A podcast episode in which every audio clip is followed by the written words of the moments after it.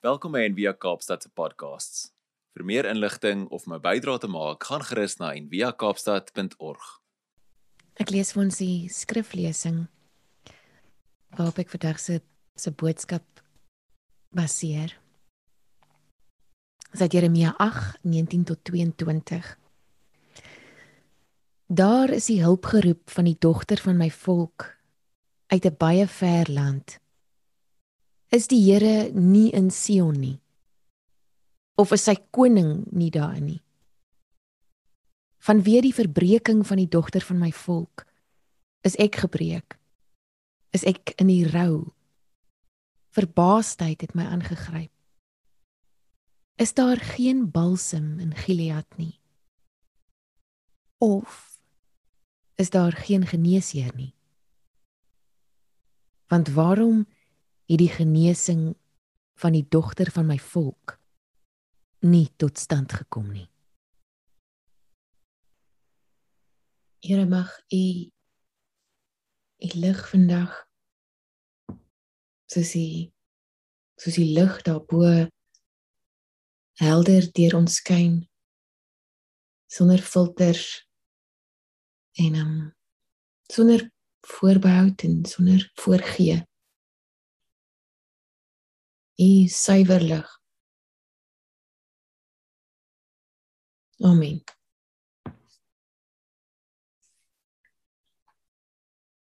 So die teksgedeelte wat ons ver oggend gelees het, ehm um, uit Jeremia 8 uh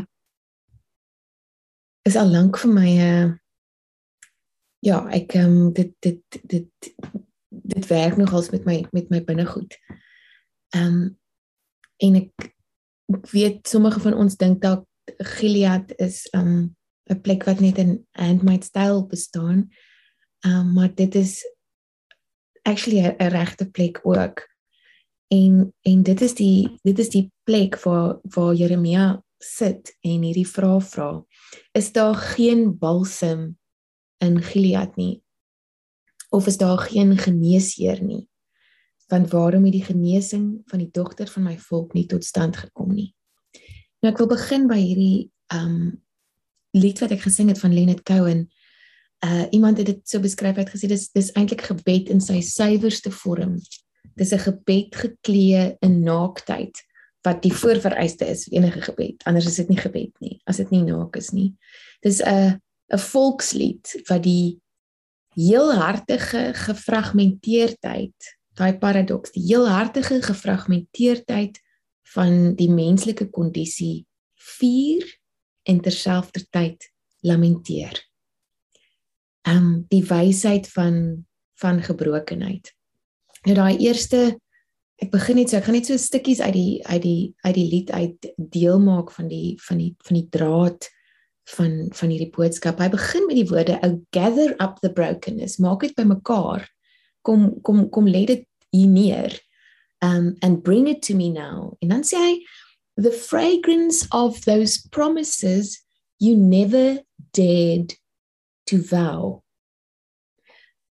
Die gebreektheid van beloftes wat jy nooit beloof het nie. Uh nou hoekom sou hy dit sê? Want wat is 'n eed as jy dit nie afgelê het nie? En as die eed nie afgelê is nie, hoe kan dit gebreek wees? Die gebrokenheid waarna hy verwys, bestaan presies daaruit om nie die moed en die sagmoedigheid te hê om in die eerste plek die belofte af te lê nie. Um selfs meer verskriklik as die gebrokenheid wat volg na jy 'n belofte gebreek het, is die gebrokenheid wat bestaan as jy nooit die moed gehad het om 'n commitment of 'n belofte aan te gaan nie. En tog hierdie selfde beloftes wat jy nie afgelê het nie, ehm um, gee 'n geur af, 'n fragrance, 'n spoor vir jou neus om 'n herinnering op te roep van hoe dit kon wees as jy die vermetelheid of die moed gehad het om 'n eed af te lê. En daarmee bedoel ek nou nie in die hof nie. Die meeste van ons verskyn nie elke dag in die hof nie as ons gelukkig is. Um ek bedoel dat ons vra en die die teenwoordigheid van die vrae waarmee ons leef. Um, nie ons vertroue in mense en mekaar en God so skend dat ons nie die moed en die sagmoedigheid het om ooit te commit aan iets nie. Um, van die gebrokenheid wat daaruit volg is baie groter baie keer as die gebrokenheid wat bestaan deur 'n belofte te verbreek. Die die spoor wat die aanwesigheid, wat die afwesigheid van teenwoordigheid merk as die teenwoordigheid van afwesigheid. Al klink dit hoe hoe hoe, hoe misties of paradoksaal. Ehm um, en ek gaan weer later terugkom na hierdie hierdie gedig of hierdie of hierdie gebed. Ek het gedink hierdie vraag, waar is die genesing en waar is die genesing van die dogter van my volk? gaan my ehm um, ek het gedink ek gaan dit polities maak na die verkiesing na na alles ek het gedink ek gaan so 'n patriotiese preekie doen. En toe gebeur die lewe en en die vraag, waar's die genesing? Of waar's die waar's die balsem? Waar's die geneesheer? Waar's die genesing? Vat my na 'n hele ander plek toe. Na daai plek toe waar ek nie wou gaan nie. In en ook hospitaal toe. Want eerlik, die vraag eintlik wat ek wat ek wou vra waarmee ek baie keer in my donkerste oomblikke sit is um en ek weet ek's nie alleen nie. Ek weet baie mense doen dit. Is om te vra hoekom ek? Hoekom hoekom ek? Hoekom het hierdie jaar met met my gemaak soos wat hierdie jaar met my gemaak het? Hoekom moes ek my hond verloor? Hoekom moes ek my man verloor? Hoekom moes my kind opeindig in die hospitaal 2 weke terug. En dis altyd die moeite werd om daai vraag te vra. Want as jy lank genoeg met daai vraag sit, dan moet jy ook vra hoekom ek? Hoekom hoekom hoekom het ek 'n dak oor my kop? Hoekom het ek wonderlike ouers? Miskien dink jy nie jy het nie, maar jy gaan ander goed kan. Hoekom het ek 'n broer en 'n suster wat my ondersteun in alles? Hoekom het ek die voorreg gehad om om iemand 13 jaar terug te ontmoet wat my kom ek sê onbeskryflik, nie onvoorwaardelik nie. Die meeste van die tyd onvoorwaardelik liefgehad het en wie ek kon lief hê. Hoekom het my kinders 'n amazing pa gehad vir 7 jaar en 2 jaar van hulle lewens? Hoekom het ek 'n gemeenskap? Hoekom is ek deel van 'n gemeenskap wat wat my dra Hoekom ek? Hoekom hoekom moet en dan kan jy aangaan. Hoekom moet ek 'n kar wat kan ry? En nie net kan ry nie, kan spoedboetes kry. Hoekom hoekom hoekom het ek het, hoekom het ek vriende? Hoekom jy jy kan aan en aan en aangaan. So begin by hoekom ek in jou donkerste oomblikke. Maar dan gaan jy uitkom by 'n hele ander hoekom ek. Altyd. En dit is die dit is die die deel waar Leonard Cohen sing behold the gates of mercy in arbitrary space for none of us deserving the cruelty or the grace nie een van ons verdien die wreedheid van die lewe of hoe ons dit ook al sien die die die lewe se gang wat ons wat ons ervaar as wreedheid of die genade nie ons verdien niks nie um En dit is die vraag waarmee Jeremia ook eintlik hier sit. Hy sê hoekom ek? Hoekom moet hoekom moet ek 'n profeet wees van hierdie amper sê uh lelike woord van hierdie opgeneekte plek? Wat gaan nie aan? en wat baie interessant is is dat Gilead en dit en dit is nou waar hierdie waar hierdie teksvers interessant raak. Die die die vraag wat hy vra, is daar geen balsem in Gilead nie? met ander woorde moet die pasiënt sterf. Maar dan is daar 'n belangrike woord of is daar geen geneesheer nie. Die vraag wat hy wil vra is is daar 'n dokter in die huis? Want Gilead was die bakermat van balsem. Gilead se hele ekonomiese bestaan was gegrond op balsem. daar was 'n oorvloed van balsam in Gilead. Um, die die karavaan aan wie Josef se broers hom verkoop het, uh was van Egipte af op pad, was op pad Egipte toe van Gilead af met balsam om Egipte toe te vat. So dit is eintlik 'n verskriklike retoriese swanger vraag. Is daar geen balsam in Gilead nie? Nee, daar is. Die hele plek is gegrond op balsam. Daar's oral balsam. Of is daar geen geneesheer nie? Ehm um, en die die leidraad lê dan in die woord of. En en en ook op hierdie vraag het die mense die antwoord geken. Want vele dokters, al het hulle sekerlik nog nie in daai tyd die eet van Hippokrates afgelê of Zuma jare gaan doen nie, ehm um, het hulle praktyke in en om Gilead bestuur as gevolg van die balsam wat vrylik beskikbaar was.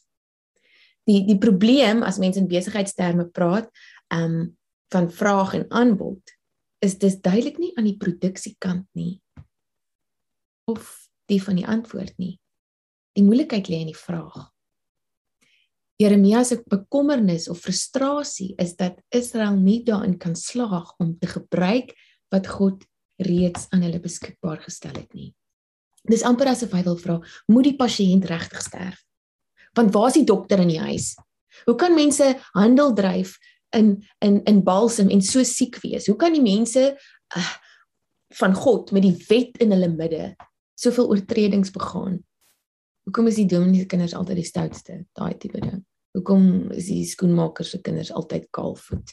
Hoekom is die men, mense wie se monde die enigste antwoord het, die antwoorde het, se hande dikwels so lam en afgekap en sonder idees, so so so dubbelsinnig. En Jeremia vra gereeld vra. Jeremia uh is 'n profeet wat baie vrae gevra het. Hy het God nie soos 'n kelner in die restaurant behandel nie. Eugene Peterson gebruik hierdie analogie. Hy sê baie van ons bid soos wat ons gaan eet by 'n restaurant. Jou jou metgesel is eintlik jouself. Jou behoeftes, jou buie, jou bekommernisse. En God is net die kelner wat jou bestelling kom neem jou jou kosklagtes kom aanhoor en baie keer 'n groter en baie keer 'n kleiner voetjie kry. Wanneer jy gereeld by 'n restaurant gaan eet, dan begin jy die kelner se naam ken, maar hy's nooit 'n intieme deelnemer in jou in jou aan jou maaltyd nie. En Jeremia hanteer God nie so nie. Hy het meestal met God gepraat. Uh nie net oor God nie. Um Hy vra eintlik hier, waar's die verligting? Want dit is wat balsam is. Uh waar's die troos? Waar's die waar's die genesing? En ehm um, dis interessant in in 'n ehm um, in groot parallel met hierdie antieke Israel waarin waarin Jeremia sit en die balsam van Gilead is die gemeente van van Laodicea waarmee ehm um, die skrywer van Openbaring skryf in Openbaring 3. Nou Laodicea is net 13 myl weg van um 'n skool wat bekend is vir sy mediese kennis en spesifiek die van oogsalf. Dit was 'n 'n 'n skool wat gespesialiseer het in oogsalf. En dan skryf hy hierdie hierdie woorde aan die gemeente in Laodicea. Hy sê omdat jy sê, omdat jy sê ek is ryk, ek is skatryk, ek het aan niks gebrek nie en nie besef dat jy ellendig en bejammerenswaardig brandarm blind en naak is nie.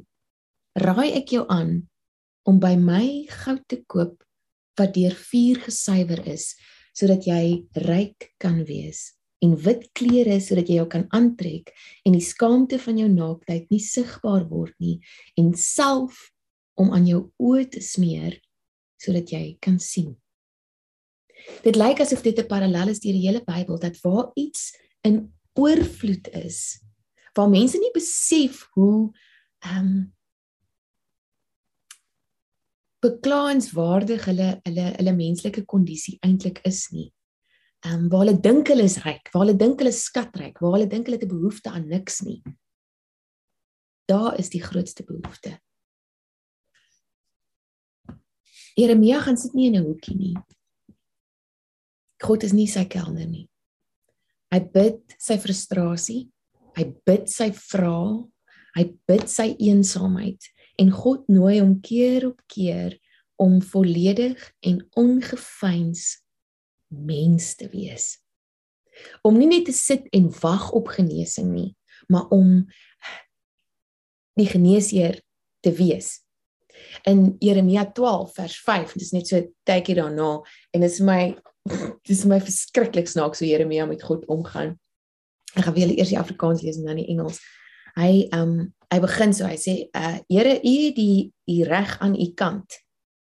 As ek met u 'n regstryd sou voer, tog wil ek met u oor regsaake praat. Waarom is die pad van goddeloses voorspoedig? Waarom leef almal wat verraderlik optree rustig? U het hulle geplant, ook het hulle wortel geskiet. En dan sê hy: "Maar u Here ken my. U sien my en u toets of my hart by u is." En dan sê die Here vir hom: Hy antwoord die vraag met 'n vraag. Dan sê hy vir hom: As jy saam met mense te voet hardloop en moeg raak, hoe wil jy met wille perde meeding? In 'n veilige gebied is jy vol selfvertroue, maar hoe sal jy vaar in die trots van die Jordaan?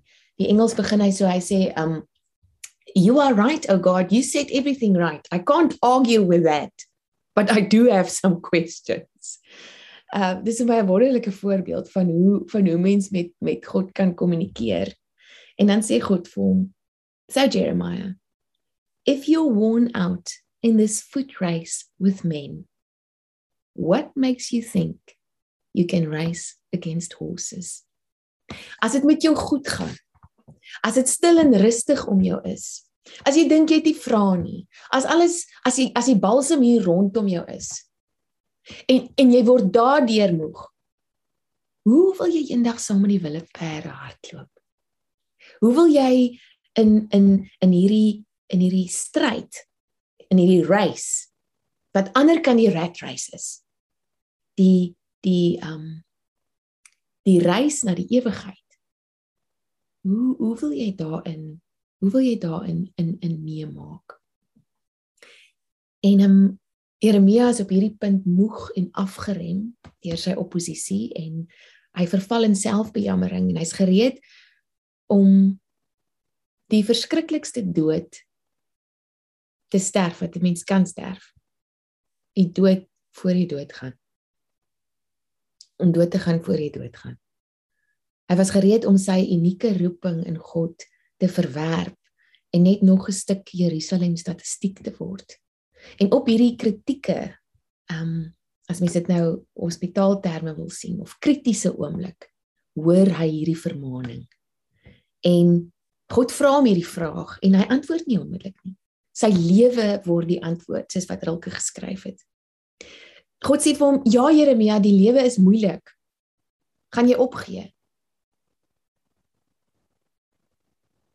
Ons is so as jy nou moet dink aan jou oggend en dis hoekom ek so um dankbaar is vir iets soos die die die Paula Bay Club ook. Dis nie net iets waaroor mense moet lag. Daar's nie mense in die koue water nie. Um dis 'n geestelike ritueel. Want as jy moet dink aan jou aan jou oggende, ons is so ons wat word van kleins af so gerad vir sukses. Dat jou jou jou beplanning en sien dit dan maar as jou oggende is om jou dag suksesvol deur te bring en met sukses bedoel baie van ons net om dit te oorleef. Om net aan die einde van die dag by die huis te kom en te gaan dink dankie tog ek het net 'n deadline gemis nie. Maar ons word nie gerad vir swaar kry nie. En dit is waar ek nou wil kom by Etty Hillesum.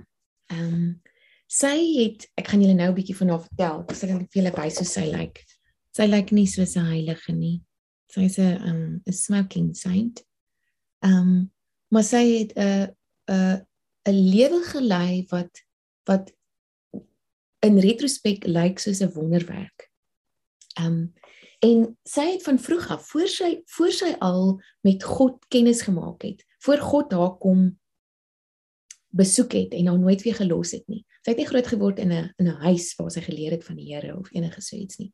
Het sy al die besef begin kweek dat sy haarself moet skool in swaar kry. Nie as 'n ehm um, wat is die woord waarvoor ek soek? Uh nie nie nie fatalisties so nie. Maar dat die lewe bestaan ook uit swaar kry. So sy het van van vroeg af gegaan. Ek moet 'n halfuur in die oggend stil word. My my gedagtes ehm um, laat stil word sodat ek kan ervaar wat wat wat hier aangaan. En sy het dit so beskryf later, later in tyd het sy gesê ehm um, dis asof dis asof daar 'n put binne in haar is. Ek wil net gou die Nederlands kry dan kan ek dit vertaal. Ehm um, daar's 'n daar's 'n diep put binne my. En binne in my woon God in hierdie put, hierdie well, hierdie hierdie fontein. En soms is ek ook daar. Maar meer dikwels bedek stene en gemors en riool hierdie put en God is begrawe onder dit. En dan moet ek hom weer uitgrawe. Dan moet hy weer uitgegrawe word en dis wat stilte doen. As mens daai bottel so skud met die water en die sand en jy skud en jy skud en jy skud net soos wat ons meeste van ons lewe, ons skud skud skud skud skud net, hou aan beweeg en geraas maak.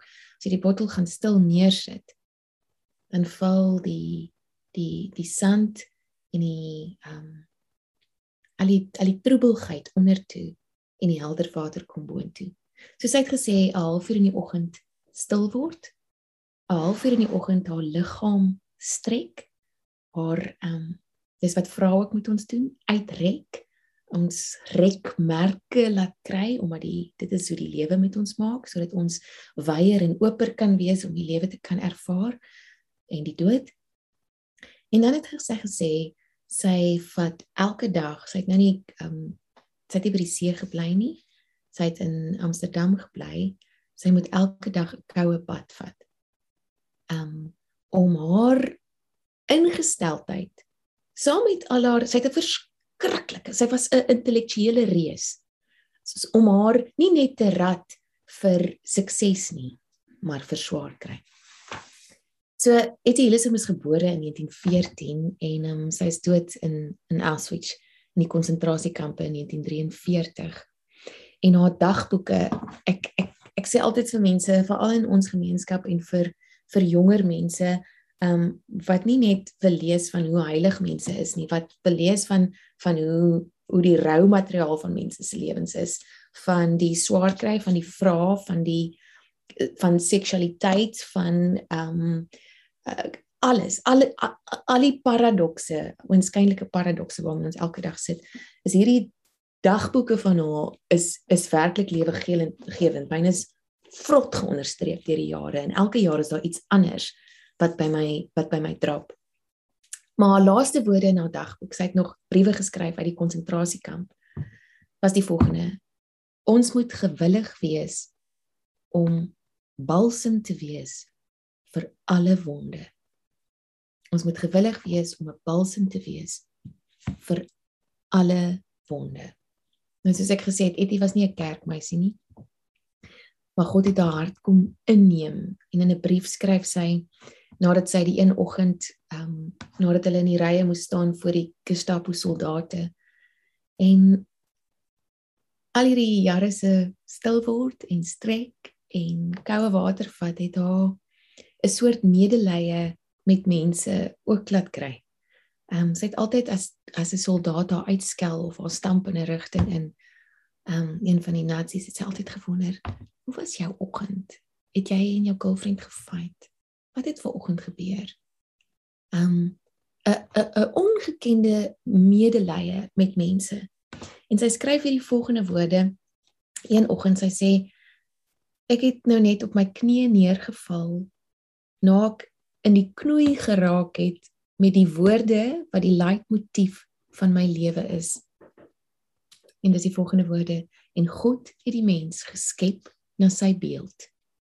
En hoe moeilik moes dit wees om dit elke dag te moes ervaar? om om hongersnood te ervaar, om te sien hoe jou hoe jou mense doodgemaak word voor jou oë. En om om met hierdie leitmotief, met hierdie goue draad te loop en God hierdie mens geskep na sy beeld. En dan skryf sy hierdie woorde: Daai skrif het 'n moeilike oggend met my beleef.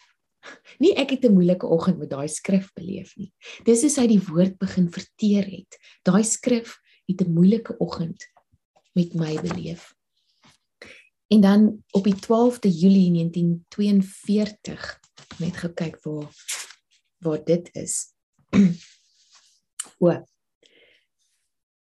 En dit sluit weer aan by Leonard Cohen se woorde, "O troubled dust concealing the undivided love. The heart beneath is teaching to the broken heart above." Die die stof waaruit ons lewens geskep is, ou troubled dust. Hierdie um moeilik hierdie moeilike moeilike stof wees van ons. Hierdie hierdie stof wat baie keer um voel asof ons nie hier tuis hoort nie of die rukwinde ons rondvaai. Concealing wat die wat die wat die on geskeide liefde, undivided, onverdeelde liefde onder ons bedek. Daar's 'n stuk onverdeelde liefde onder ons, maar ons troubled dust, ons lewenssituasies waaruit ons net die hele tyd probeer klim, bedek hierdie stuk on um onverdeelde liefde. En dan die woorde the heart beneath is teaching to the broken heart above. Nou ek het altyd gedink dis my onderste hart, my my werklike hart wat wat wat wat iets wil leer vir my gebreekte hart hierbo, die hart wat klop. Maar een van die ehm um, 'n rabbi skryf dat dit ook 'n ander interpretasie kon hê. The heart beneath ons wat hier onder leef as God se hart is teaching to the broken heart above. God se hart kan ook gebreek word. God se hart word gebreek saam met ons. En dan maak dit sin, Etsie Hillesum skryf en dit mag dalk vir party mense godslasterlik klink, maar dit is dis alles behalwe. Dis om verantwoordelikheid te vat vir my roeping wat God vir my gegee het om as geneesheer op aarde um te dien. Sy sê en dis nou naby aan die einde van haar lewe. Sy sê God dit lyk nie meer asof jy iets kan doen aan ons omstandighede nie aan ons lewens nie. En ek hou jou ook nie verantwoordbaar of verantwoordelik daarvoor nie. Jy kan ons nie help nie maar ons moet jou help om jou woonplek in ons ten alle koste te beskerm. Dis om werklik te te te weet dat dat Christ has no body now but yours. Om te weet dat ons om nie net op te kyk waar's die balsem, waar's die genesing nie. Hoekom ek? Ja, hoekom jy? Hoekom jy?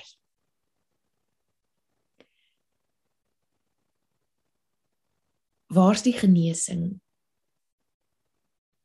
Waar's die geneesheer?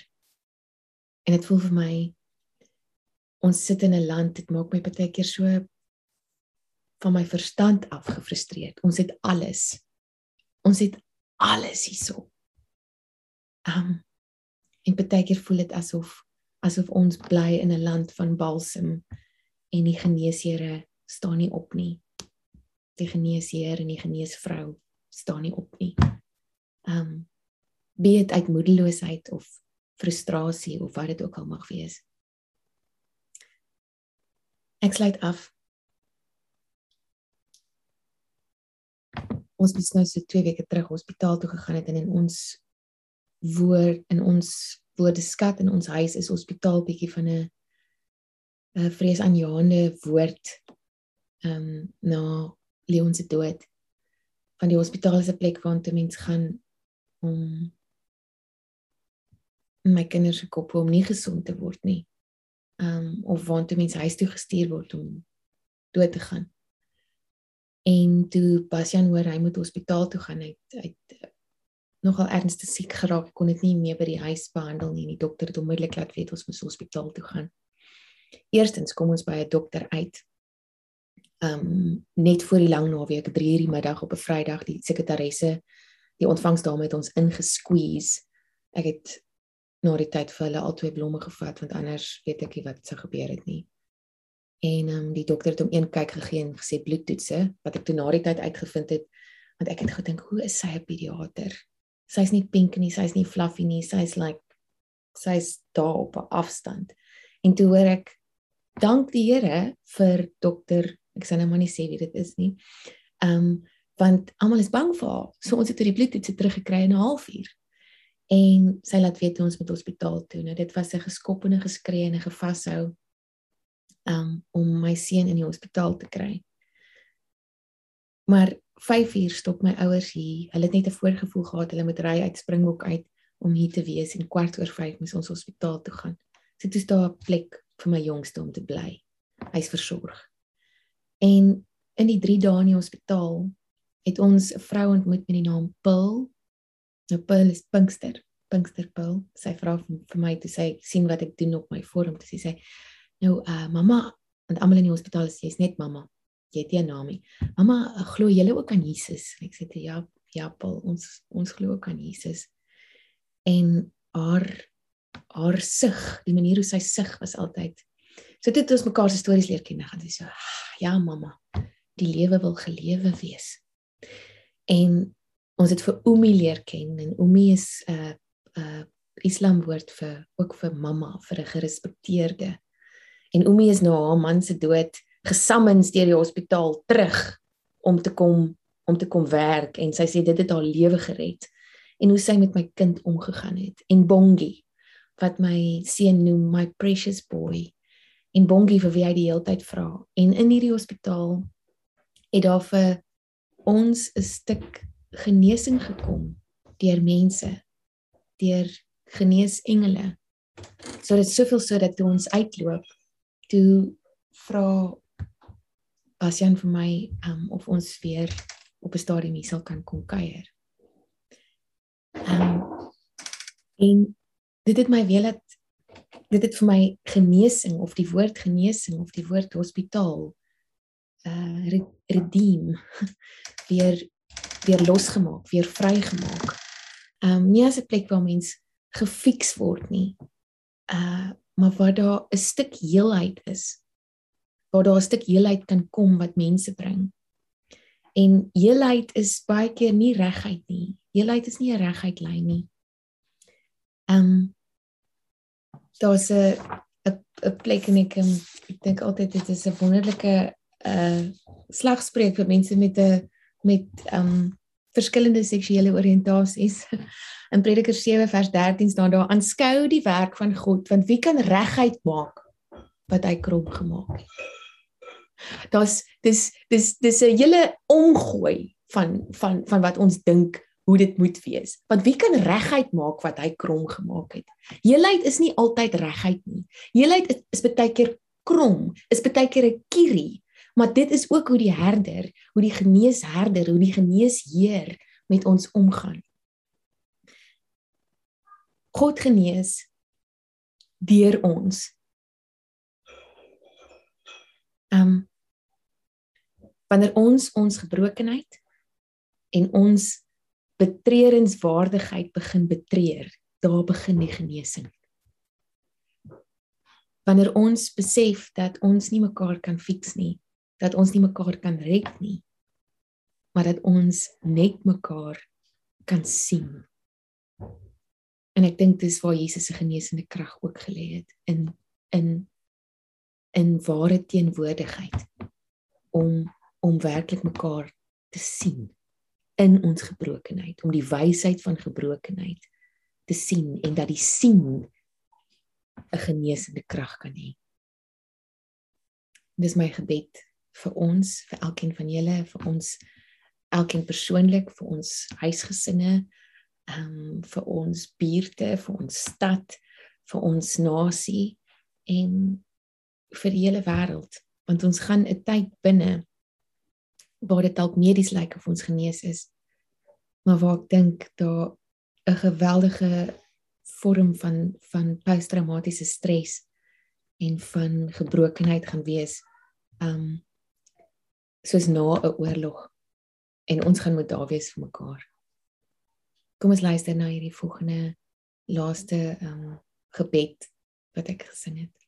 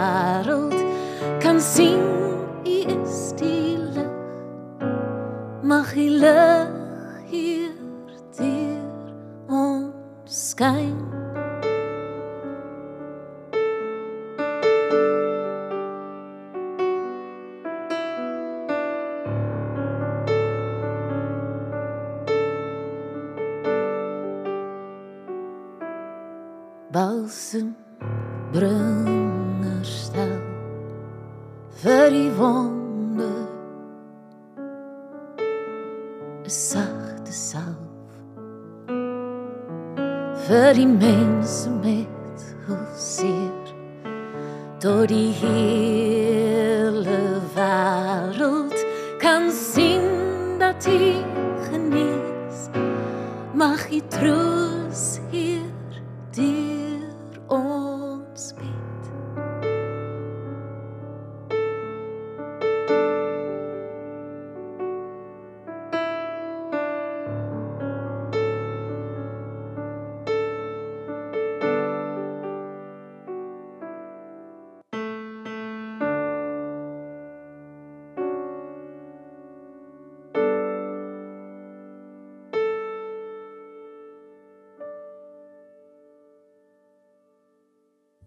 Ons kan net ehm um, julle kan julle hande uitsteek en dan sal ek net vir ons 'n seën uitspreek.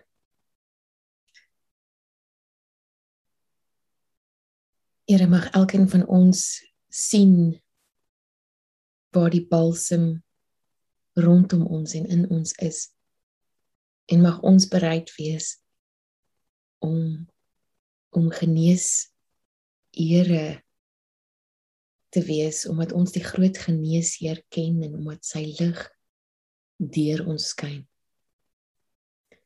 Mag die balsem die wonde herstel en mag elkeen van ons ons onsself deur vra so stukkie stukkie stil stil in die antwoorde in leef. Mag ons lewens die antwoord wees op die vraag wat U vir ons vra. Amen. Dankie dat jy saam geluister het vandag. Besoek gerus en via kaapstad.org vir meer inligting.